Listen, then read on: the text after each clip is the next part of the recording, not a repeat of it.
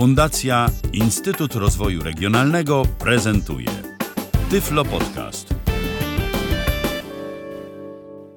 Cześć, nazywam się Anna Matiaszek i witam w kolejnym odcinku Tyflo Podcastu, który jak wiecie kierowany jest do osób niewidomych oraz niedowidzących. Dzisiaj mam przyjemność rozmawiać z Eweliną Bilińską, Cześć. która jest doradcą do spraw wdrażania konwencji Fundacji Instytut Rozwoju Regionalnego. No właśnie, powiedz nam w kilku słowach, co to znaczy. Moja funkcja związana jest bezpośrednio z projektem, który realizowany jest przez Fundację. Małopolska wdraża konwencję o prawach osób z niepełnosprawnościami i moje stanowisko w bezpośredni sposób e, pomaga instytucjom e, zrozumieć postanowienia konwencji, e, a także zrozumieć w jaki sposób konwencja powinna być wdrażana w jednostkach administracji publicznej. Ale w jaki sposób generujecie to zrozumienie? Największym problemem, e, jaki zauważyliśmy w czasie monitoringu jednostek e, biorących udział w projekcie, jest brak znajomości konwencji. Dlatego moja funkcja e, w bezpośredni sposób zapoznaje przedstawicieli jednostek administracji publicznej z konwencją, a także no, pomaga w jej zrozumieniu. Ale spotkałyśmy się przy okazji wejścia w życie aplikacji Naprawiacz, którą się, którą, którego Tak. koordynacją się zajmujesz. Powiedz mi, co to jest za projekt? E, Naprawiacz związany jest bezpośrednio z e, projektem e, wdrażania konwencji na terenie całej Polski. Jest to aplikacja służąca do, zgłasza, służąca do zgłaszania naruszeń i utrudnień w dostępie do jednostek administracji publicznej. Mm, Czy każdy może zgłosić uwagi? W, jakich, w jaki sposób można to zrobić? Tak, e, aplikacja dostępna jest dla, dla wszystkich. Dostępna jest w, mm, w sklepach e, Play, dostępna jest na aplikację Android, e, także dla iPhone'ów. Mm, Jednak jeżeli ktoś nie posiada smartfona, może korzystać z aplikacji również przez, z poziomu komputera, przez stronę internetową naprawiacz.fir.org.pl. Ale rozumiem, że jest to docelowo aplikacja dla takiego, można powiedzieć, zwykłego społeczeństwa, osoby, która, której ten problem dotyczy, czy może do instytucji? Bezpośrednim adresatem na e, aplikacji naprawiacza e, jest każda osoba, która ma problem w dostępie do instytucji e, publicznych. Natomiast jeżeli urzędnik również widzi jakiś problem, czy to mm, w takim bezpośrednim dostępie, czyli na przykład, mm, nie wiem, że schody prowadzące do urzędu są wykonane w sposób nieprawidłowy, oczywiście może również zgłosić taką usterkę. Natomiast generalnie e, aplikacja kierowana i przeznaczona jest mm, dla osób korzystających z instytucji e, publicznych. No dobrze, to zacznijmy od początku. W takim razie skąd wziął się naprawiacz? Z potrzeby. Generalnie dostęp do, czy to do urzędów, bibliotek, jakichś placówek rekreacyjnych zarządzanych przez, przez gminy, przez starostwa. Dostęp do nich jest utrudniony. I to właśnie w taki bezpośredni sposób, czyli jak wejść na przykład na basen. Powiedzmy, że mm, wykonane są schody, natomiast nie ma wykonanego podjazdu. Taką, taki problem mm, należy zgłosić i właśnie w tym celu powstał naprawiacz, żeby wszystkie jakieś niedogodności, usterki, utrudnienia e, były kierowane w jedno miejsce i rozpatrywane przez jedną e, instytucję. E, natomiast tutaj należy dodać, że to nie chodzi tylko o taki dostęp, powiedzmy, o bariery architektoniczne. Również można zgłaszać utrudnienia w, mm, w obsłudze klienta. Czyli na przykład, że w urzędzie nie ma dostępu do mm, tłumacza języka migowego, albo że urzędnicy nie wiedzą, w jaki sposób taką usługę zorganizować. Również e, można zgłaszać problemy z dostępem e, do stron internetowych. Jeżeli nie są one e, wykonane w odpowiedni sposób, osoby z niepełnosprawnościami nie mogą się z nimi zapoznać, również takie usterki należy, można zgłaszać. To teraz trochę informacji technicznych, bo wiadomo, że nie każdy może się orientować, jak to dokładnie działa. Więc no właśnie, czy e, naprawiacz jest trudny w obsłudze i w jaki sposób można się nim posługiwać? Naprawiacz jest bardzo intuicyjny, mm, zarówno przy użyciu aplikacji, e, jak również przy użyciu komputera. E, nie ma potrzeby e, rejestracji. Każdą usterkę, e, taką trudność można zgłosić właśnie bez, bez, bez rejestracji. Cały proces trwa około powiedzmy od wejścia na stronę czy od otwarcia aplikacji do zgłoszenia usterki jakieś 2-3 minuty. Także jest to naprawdę bardzo szybkie, bardzo łatwe i intuicyjne.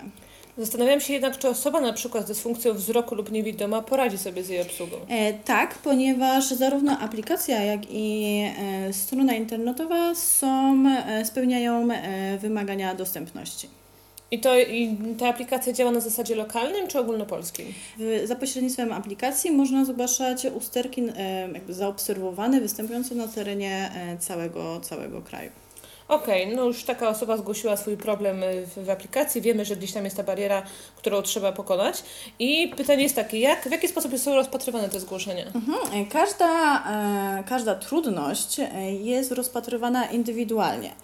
Po wpłynięciu zgłoszenia osoba, która, no właśnie, która przyjęła zgłoszenie, teraz od początku do końca zajmie się, zajmuje się jego rozpatrywaniem, koordynacją wdrażania zmian, a później mm, w późniejszym czasie taką kontrolą, ale też wsparciem przy rozwiązywaniu tego problemu.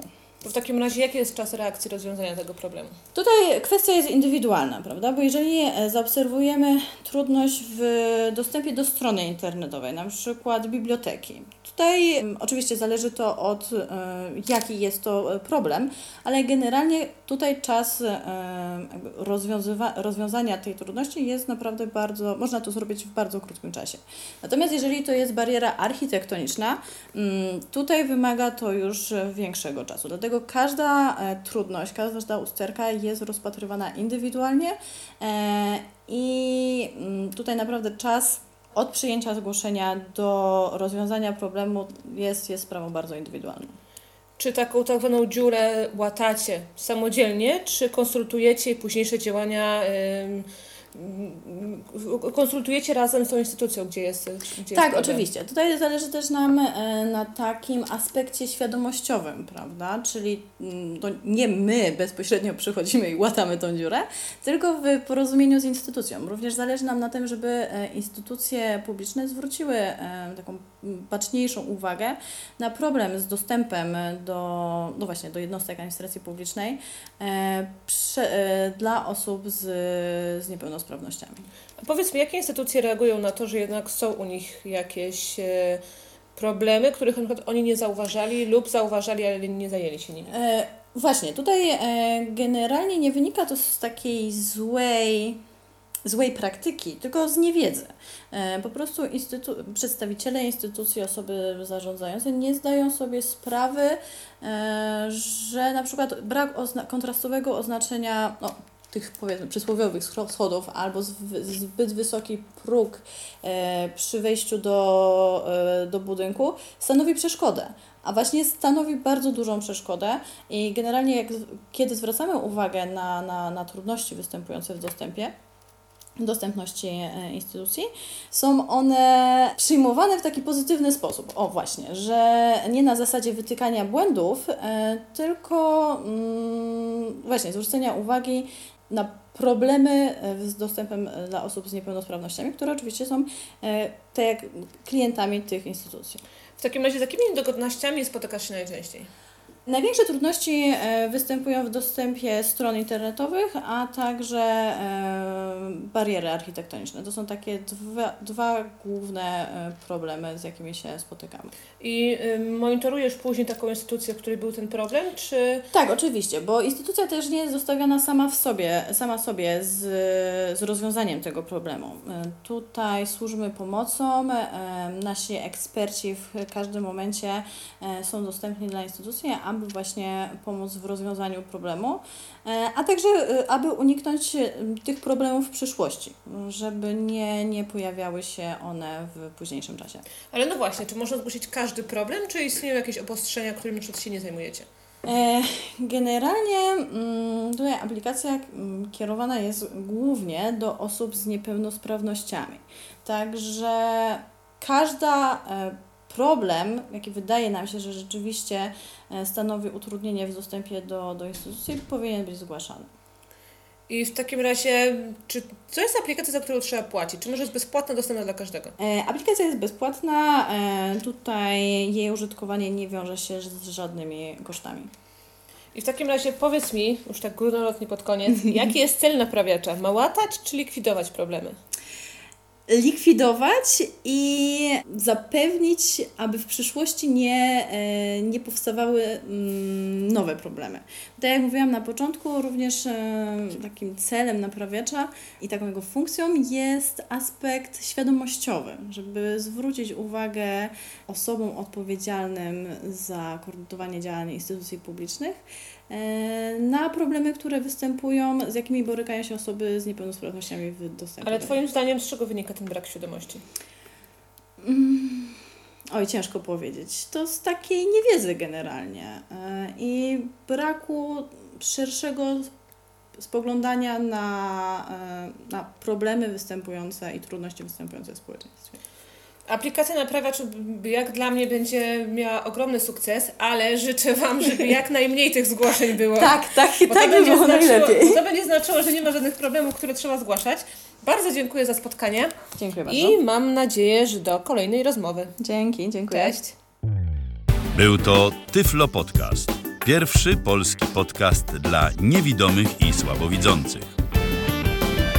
Program współfinansowany ze środków Państwowego Funduszu Rehabilitacji Osób Niepełnosprawnych.